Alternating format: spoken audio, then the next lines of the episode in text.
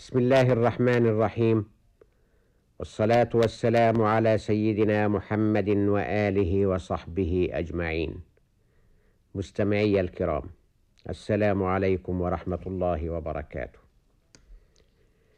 حين رفع الرسول الكريم صلوات الله وسلامه عليه إلى الرفيق الأعلى أبى فريق من المسلمين أن يصدق أن يجري عليه إكبارا منهم له ما يجري على سائر خلق الله من الموت.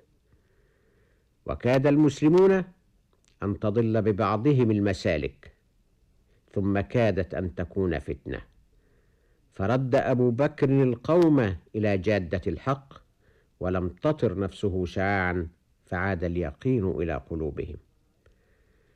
ثم ظهر إخلاصه للرسول عليه السلام يوم السقيفة وبعد وفاته.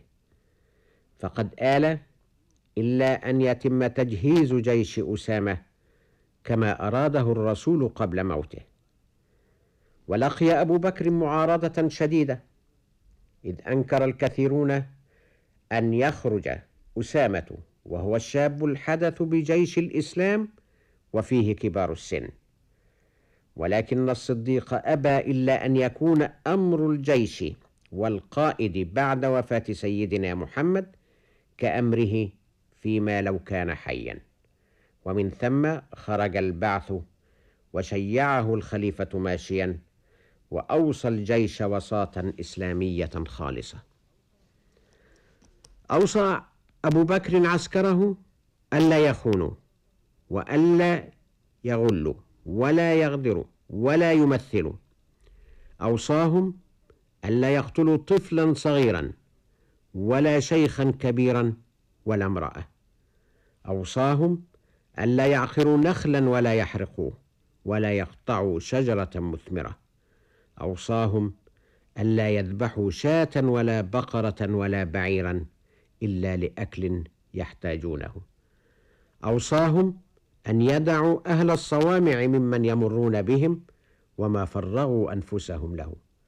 ثم أوصاهم. إذا صادفوا أقواما قد فحصوا أوساط رؤوسهم وتركوا حولها مثل العصائب أن يخفقوهم بالسيف خفقا.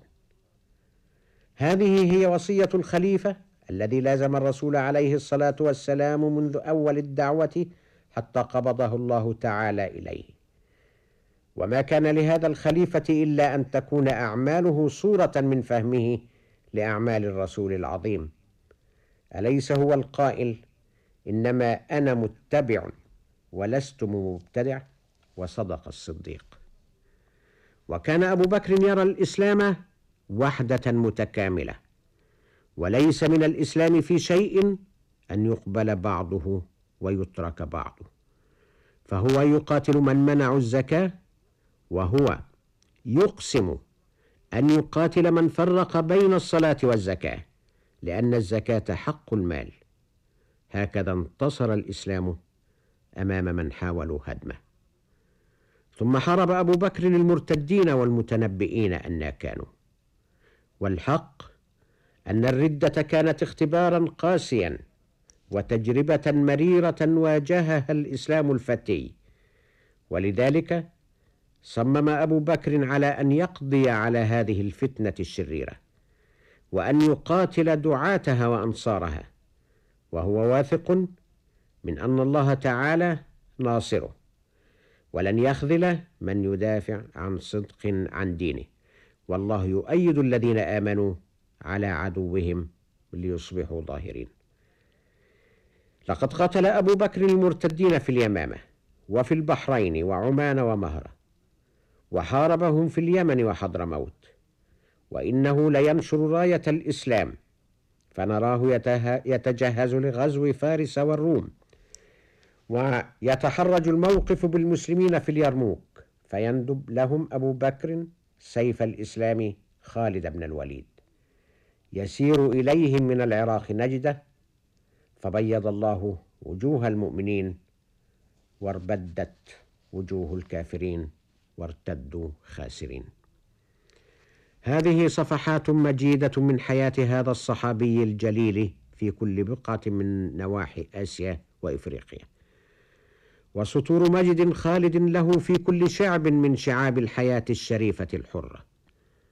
وصورة حية على مدى الدهور لرجل أيد الإسلام عن صدق وإخلاص وصدق الحق تبارك وتعالى إذ يقول في كتابه من المؤمنين رجال صدقوا ما عاهدوا الله عليه فمنهم من قضى نحبه ومنهم من ينتظر وما بدلوا تبديلا. صدق الله العظيم.